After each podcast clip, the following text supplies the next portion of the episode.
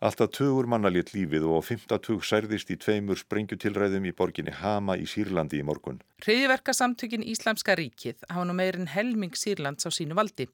Þau náði í gerðkvöld borginni Palmýru í sýrlensku eðimörkinni. Yfir hundrað almenni borgarar hafa fallið og um 30.000 trakist frá heimkinnum sínum vegna bartaga uppreysnamanna og sýrlenska stjórnarhessins í borginni Idlib. Fjöldi almennra borgara hefur verið drepin í loftárasum stjórnarhersins á Íslamista þar sem herin jafnar heilu húsaraðunar við jörðu með tunnursprengjum. Hátt í fjórar miljónir hafa flúið landið, um átta miljónir eru á vergangi innan landamæra Sýrlands. Frettir frá Sýrlandi. Okkur fyrirgefst vonandi ef þær eru kannski farnar að renna saman í einn gröð. Maður er einlega hættur að hlusta. Enda eru meira en fjögur ár síðan neistar borgarastyrjaldarinnar í Sýrlandi kviknuðu og á henni er engin endir í sjónmáli. Stór hluti landsins er í rúst. Á þriðja hundra þúsund manns hafa látið lífið, ótalmargir særst og svo er það auðvitað flótamennir. Meira en fjórar miljónir hafa flúið landið fjórðungur sírlensku þjóðarinnar og miljónir til viðbótar eru á vergangi innan landsins. En hvernig byrjuðu þessi ósköp? Hvernig land var Sýrland áður en þar kviknaði þetta ófriðar bál? Hvers konar fólk eru sýrlendingar? Varðla bara vígamenn, fórnarlömb og flóttafólk eins og þeir byrtast okkur nú í fréttum. Ég rætti við nokkra sýrlendinga sem eru búsettir á Íslandi og Íslendinga sem hafa búið í Sýrlandi um einhver tíma í vonum að geta dreyið upp einhvers konar mynd af sýrlendingum og því Sýrlandi sem nú virðist horfið, þó vonandi ekki að eilífu.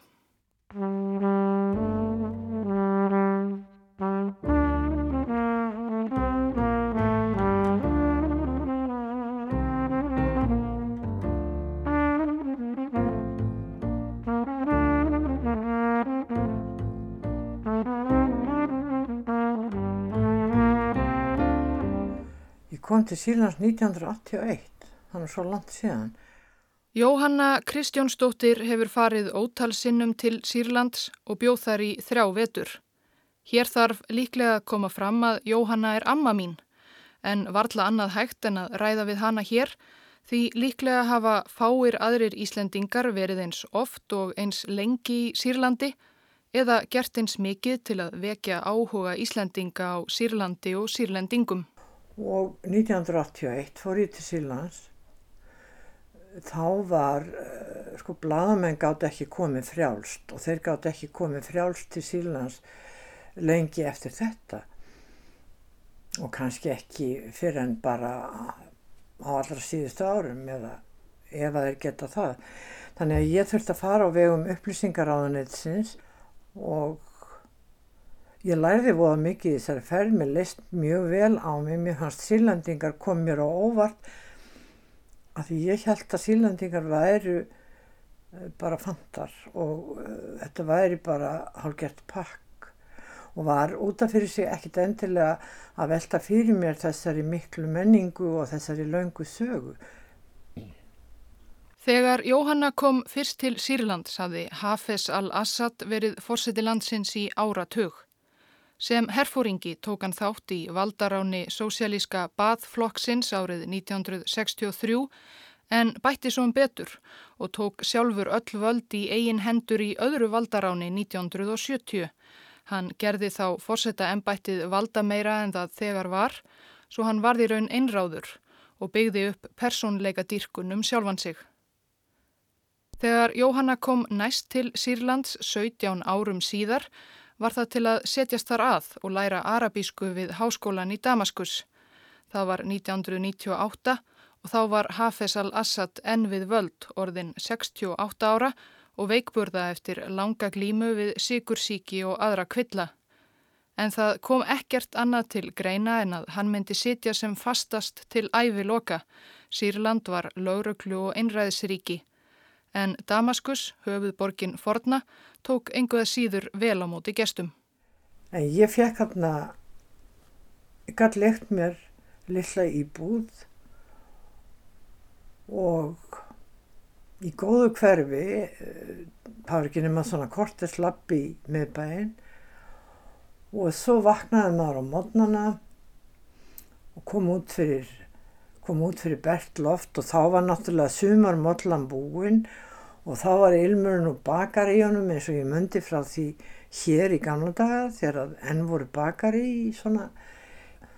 Þannig að það var gaman að koma út á mótnana og vera að fara í skóla og ég var sem sagt 58 ára og hafði náttúrulega ekki verið beint í skóla í mörg ár þannig að ég var að fara í skóla, ég var að sinna einhverju verki og svo lappaði ég með skólabækurna mínar svona korter, þá tók ég strætó, svona eh, rúbröðstrætó eins og voru í Damaskus og víðar. My name in Icelandic Máni, same meaning, uh, Hilal in Icelandic Máni, but my real name Hilal. I come to Iceland to cook. I live in Damascus uh, before I come to Iceland. Sýrlenski veitingamæðurinn Hilal Jarra kom til Íslands árið 2005. Ég hitti hann á veitingastanum Mandi sem hann hefur rekið í Veltusundi í Reykjavík í nokkur ár. Áður en hann kom til Íslands bjó hann lengst af í Damaskus. Every, every street in Damascus is beautiful. Even not beautiful street, people will make it beautiful. You will find everywhere beautiful in Damascus. Hver einasta gata í Damaskus er falleg og ef gatan er ekki falleg þá gerir fólkið hana fallega. Allt er fallegt í Damaskus. Kasjún. You can see all Damascus from Kasjún. Small mountain and if you see this small mountain you go up you will see all Damascus. You will relax in this place. Frá Kasjúnfjalli sést yfir alla Damaskus. Þetta er lítið fjall og þegar maður fer þangað upp ser maður alla borgina. Maður slappar af þar. Damaskus er algjör gimsteinn. Uh, fólkið eiginlega óþægilega almennilegt. Við erum bara ekki vönd þannig almennilegheit. Finnbói Rútur Finnbóasson er nemi í alþjóðastjórnmálum í París.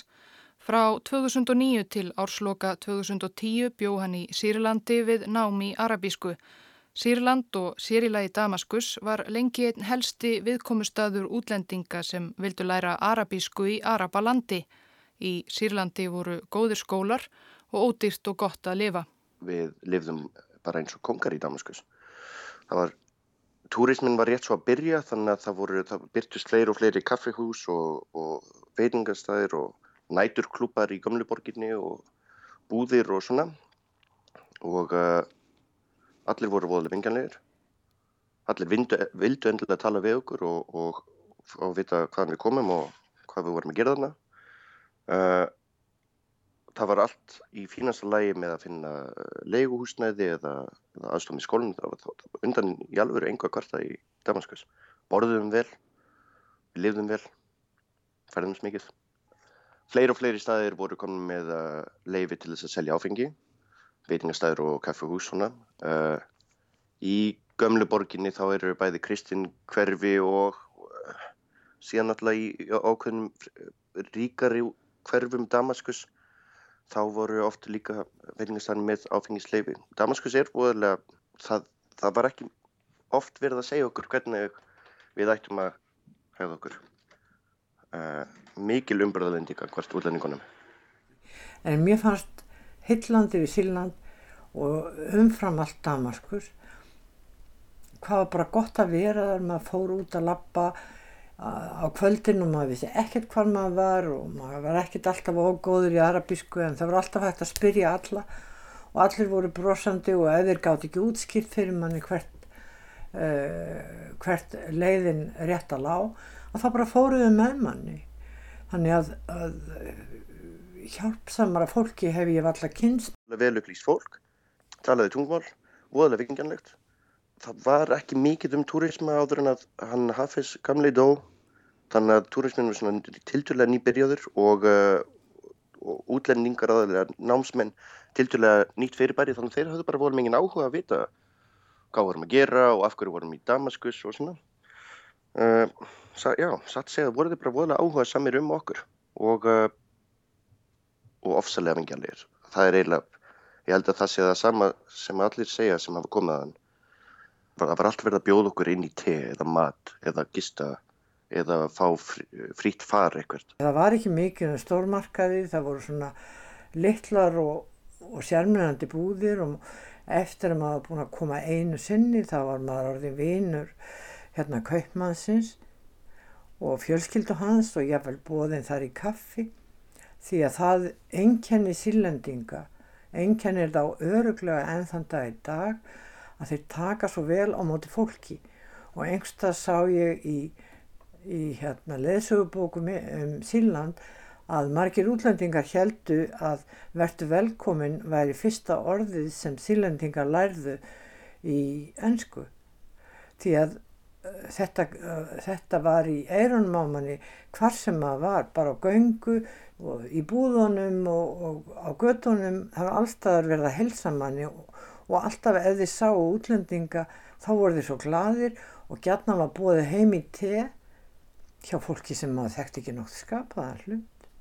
Það er mjög, mjög dæmigert fyrir sílendinga þannig að mjög fljótlega þennan vetur þá var ég komin inn á gafl hjá þó nokkrum fjölskyldum og egnaðist góða kunningja And in my street where I live, if somebody cooks something at home, maybe many houses will eat around from this dish, especially in Ramadan time.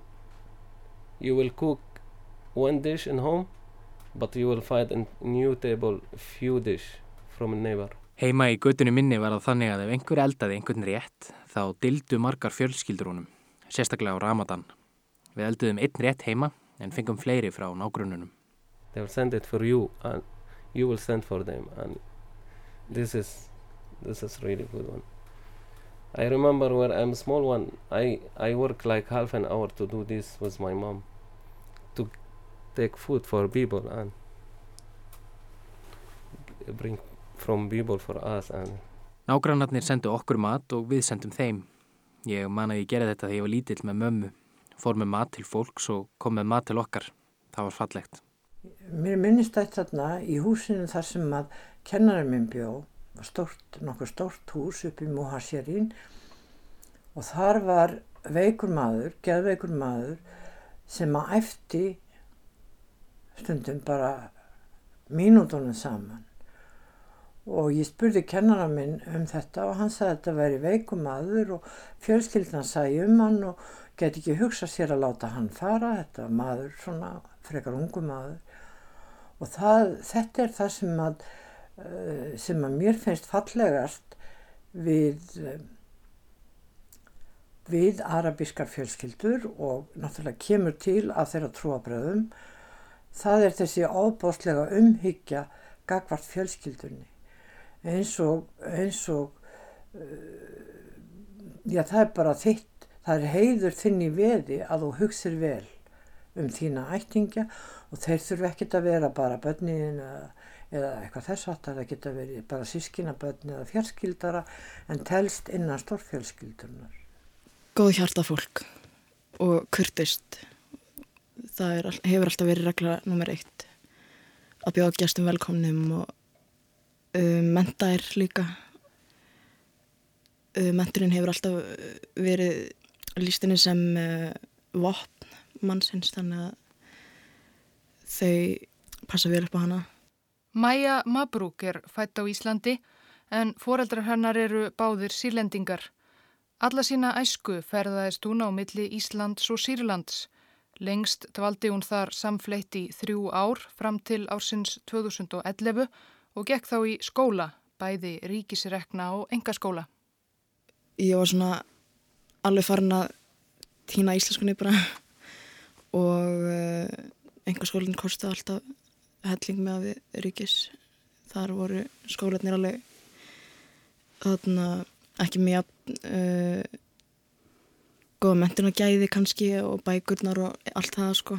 Að þar voru krakkarnir til dæmis uh, þarna landir með spítum og hendunum ef voru, þeir voru kannski ekki með heimavinnina eða eitthvað svolítið þá var þetta tekið svolítið stránglega sko.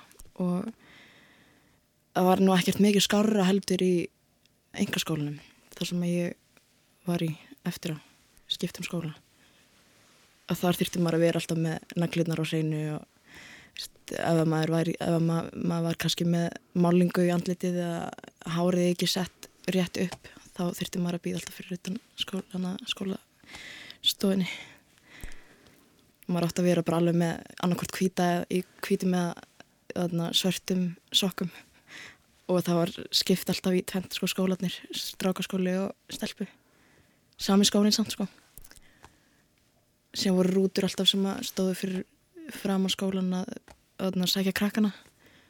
Og þá áttu strákarnir að býða þanga til að stelpunar fóru fyrst. Og með slæðurnar til dæmis að það var það voru sumir með slæður, sumir ekki en það var náttúrulega uh, leifilegt að vera ekki með, með slæður í skólanum. Þá voruð máttu alveg sleppa að ég vera slegið og konur í Sílandi voru bara alveg príðilega settar. Nú erum við alltaf með vestræna mælikvarða og ef að kona setur upp slæðið þá er hann alltaf kúið. Það er, bara, það er bara ekki svo einfalt. Fólk verður að setja hlutina í rétt samhengi. Sumir eru strángtrúaður, aðrir ekki, kristintrúaður og alls konar kirkjur sem moskur náttúrulega út um allt. Ég er bara á því að sílandingar hafi ekki verið trúaðir. Þeir voru mjög sekular að vísu var þetta trúað fólk en, en það var ekki ábyrrandi og á þessum tíma heyrði maður aldrei hvort að einhver var sunni eða, eða hvort hann var síja eða hvort hann var alavíti eða hvort hann var kristinn. Það voru bara, þetta var bara ein held þetta, þetta sílenska þjóðfélag. En sílendingar komir ekki fyrir sjónir sem trúað fólk. Að vísu sá maður það inn á milli en það var í miklu, miklu minni hluta.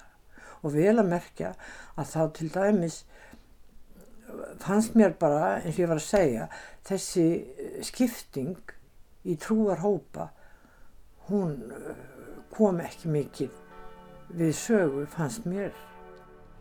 Many religion in Damascus never have problem. Like they make most religion reason now was a problem because of religion. No það eru mörg trúabröð í Damaskus en það var aldrei vandamál. Það fallegasta sem ég hef séð á æfinni er að í Sýrlandi eru moskur og kirkjur hlið við hlið og það eru aldrei neyn vandræði. Það eru mörg trúabröð en allir elska hver annan. And every, all people love each other, you know.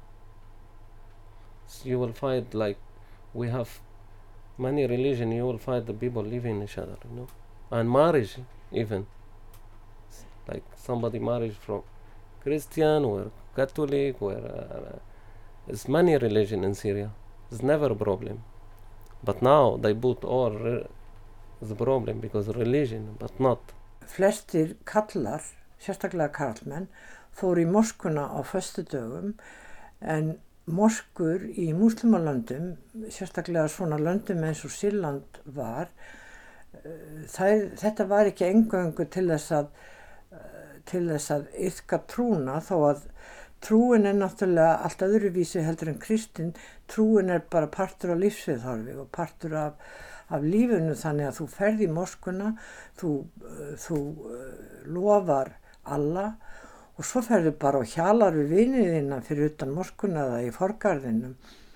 Og þanga komu oft fjölskyldur eins og í Ómæjatmoskunni stóru í Gamleborginni þar voru oft fjölskyldur sem voru þannig í forgarðinum og höfðu bara komið á fastadögum í piknik.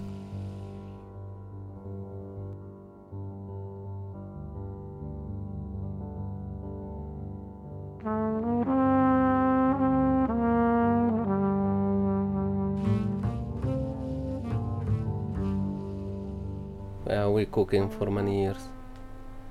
All my family, my father also. Many, many dishes, like we eat a lot of vegetarian food.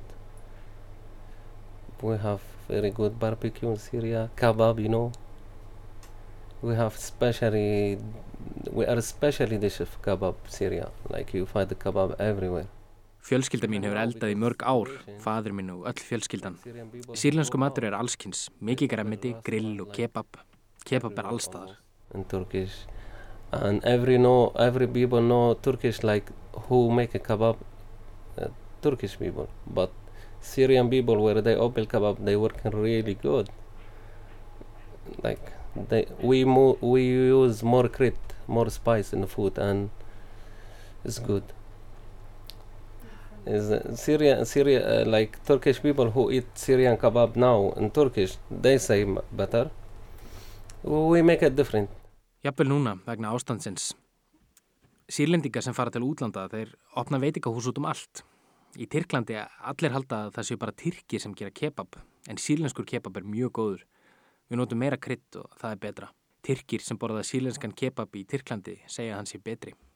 Hagur fólksins var upp á neyður en uh, það var mjög, hann var mjög misjafn. Það var fátækt fólk, mjög fátækt fólk en uh, það var gert allt mögulegt til þess að, til þess að hjálpa því og meðal annars voru á mörgum stöðum í bænum þá voru sérstaklega svona súpuvagnar og, og matarvagnar og þanga kom fátækt fólk ekki síst á Ramadan en, en uh, svo voru, það var ríkt fólk þarna, mjög ríkt fólk eins og allstaðar er en millistjættin var greinilega greinilega nokkuð vel sett, það voru businesskallar og, og alls, konar, alls konar menn sem voru í ólíunni því að sílandingar hafa ólíu að hún sé ekkert mjög mikil.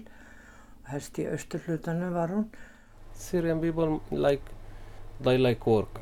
They are hard worker you know. They, they like you can see now most Syrian people go out. They open business everywhere and they make like many street if in, in Istanbul or in Egypt or in Lebanon they make it live was this street like die no work there. They they make it uh, they make it work.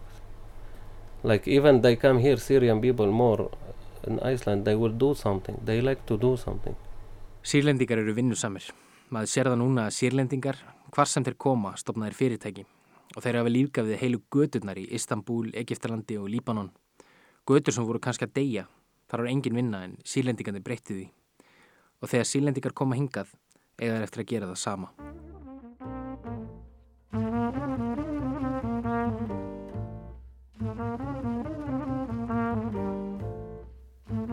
Bashar al-Assad, sonur Hafezar gamla, tók við sem forseti af föður sínum við andlát hans árið 2000. Það átti þó einlega aldrei að fara þannig. Það var alltaf eldri sonurinn Basil sem átti að taka við af föður sínum. Basil, þremur árum eldri en Bashar, var hávaksinn og myndarlegur að sögn getur miklum personutöfrum. Hann var fallífa hermaður og afreksknapi, töffari með smekk fyrir reypan, solglerum og sportbílum. Á fyrstu árum tíunda áratögarins lagði Hafez gamli mikla vinnu í að búa Basil undir það að taka við. Hann hlaut þjálfun í stjórnkænsku og kynntist innviðum sírlenska ríkisins náið sem og helstu konungum og fyrirmennum Arabaheimsins. En það átti ekki að verða. Árla morguns þann 21. janúar 1994 lendi Basil í árekstri á leið út á Damaskusflúöll. Hann var á hraðskriðum Benz og það var þoka. Hann var ekki í belti og lést samstundis. Ríkis fjölmiðlar syrðu Basil ákaft. Hann naut vinselda meðal margra sírlendinga og átti eftir að gera það áfram. Jafnvel áratug síðar mátti sjá ásjónu Basils stenslað á veggi og á límiðum á bílrúðum, Basil með aviator, solgleru og töffarasvip, algjör andstaða við álkulegan yngri bróðurinn sem þá var orðin fórseti. Árið 1994 var Bashar al-Assad 29 ára gamall, hafði alls ekki hlotið sömu stjórnarþjálfun og eldri bróðurinn og hafði af öllu að dæma lítinn áhuga á pólitík. Hann lærði læknisfræði í háskólanum í Damaskus, var læknir í sírlenska hernum um skeið og hafði þegar þarna var komið sögu verið í um tvö ári framhaldsnámi í auglækningum í Lundunum. Af og til hafa bladamenn haft upp á kennurum og nefendum sem voru samtíða bassjar í náminu í Lundunum. Það er yfirleitt ekki mikið á þessum viðtölum að græða. Það verðist hafa farið lítið fyrir læknanemanum bassjar. Jú, hann var duglegur námsmaður, nærgætin við sjúklinga. hljóðlátur og hóvær. Talaði aldrei um föður sinn eða lífsitt heima í Sýrlandi. Hann hefði orðið góður augnskurðleiknir, saði einn kennarin. Einu sinni, það var fyrir nokkrum árum, áður en þessi ósköp byrjuðu, spurði útlendur bladamæður svo Bassjar sjálfan hvers vegna hann hefði valið augleikningar. Af því að það eru aldrei neyn neyðartilvik, svaraði fórsetin, og það er svo lítið blóð. Svo lítið blóð. Já, kannski hefði Bassjar al-Assad orðið góður augnskurðleiknir, en það átti ekki heldur að verða. Hafes lést og Bassjar varð fórseti og fyrstum sinn vakti hann bjart síni hjá mörgum. Þetta breyttist, það breyttist óskæflega mikið þegar Bassjar Assad kom. Bassjar Assad var náttúrulega nútíma maður og mentaður á Vesturlöndum og strax í setningaræðinu hans þegar hann tók við að þá lísti Assad því yfir, Bassjar Assad, að hann vildi breyta ymsu Hann fór mjög fint í það því hann var auðvitað að tala um stjórnatíð föðusins en hann vildi breyta og hann vildi til dæmis leifa allt mögulegt sem hafi verið bannað eins og internetið og farsíma og eitthvað þess aftar. Hann vildi koma á stopp svona umræðuhópum, hann vildi uh, lina á rítfrælsinu og var, þessu var tekið fagnandi.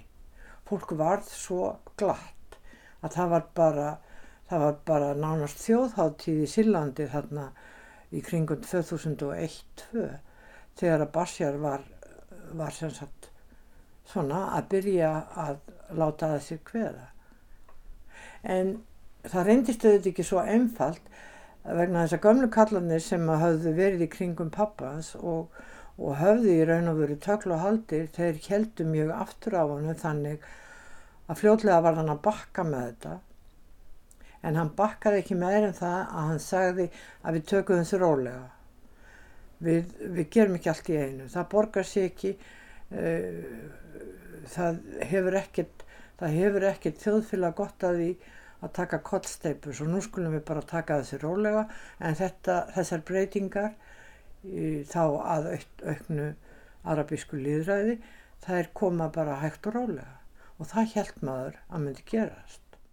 Það leitt allt vel út. Það, það var ákveðin andi í Damaskus um að, uh, um að þetta, um að það væri alltaf verða aðeins betra.